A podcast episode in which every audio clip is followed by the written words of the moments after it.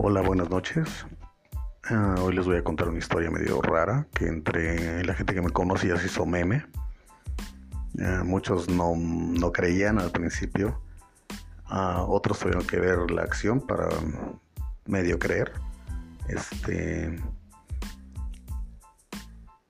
No sé, cualquier duda pueden consultarlo casos similares en Google o en YouTube.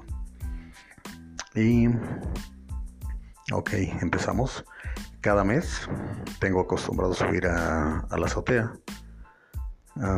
independientemente de la carga de, gas, que es este, no sé, es cada seis meses, cada ocho meses. Cada mes subo a revisar el calentador solar, el tinaco, el tanque estacionario, este, no sé, a barrer la azotea, cosas así, ¿no?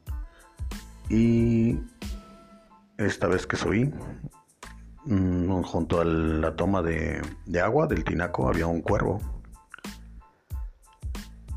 Y cuando me subí, él se quitó, se subió al tinaco y volvió a bajarse al tubo.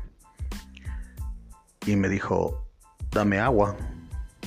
Y yo me reí casi como que por nervios y como que cuando tu cerebro interpreta algo, pero te queda la duda si escuchaste bien o no, ¿no? Como los gatos que dicen Raúl, pues obviamente no dicen Raúl, ¿no? Pero la gente se le hace gracioso y lo interpreta así, ¿no? Entonces yo volteo y le digo, ¿qué, güey, dijiste, güey? Y me dijo, agua, dame agua. Dije, no mames. Nada más porque la azotea del vecino está este, chaparrita, si no va bien toda la chingada para allá, ¿no?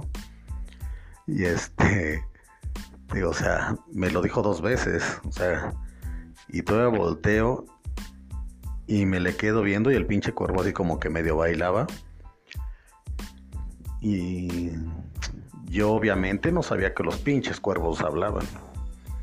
Entonces ya me acerqué, el cuervo se hizo para atrás, se paró en la orilla de la barda, abrí una llave que está ahí y este ya salía un poco de agua, ¿no? Si no la abrí toda porque sale un chorrote, ¿no?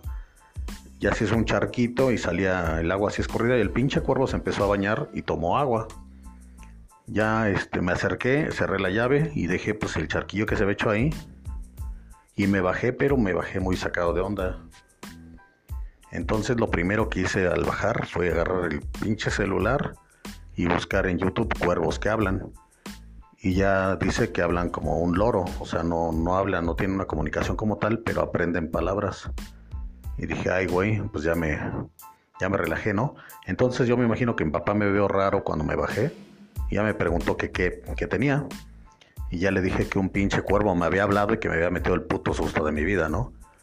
Y ya me dijo, ah, es que ese cuervo siempre que subo agua en la mañana o al mediodía, el cuervo se acerca y espera que caiga un poco del tinaco y ahí toma o ahí se, medio baña. Entonces dije, ah, órale.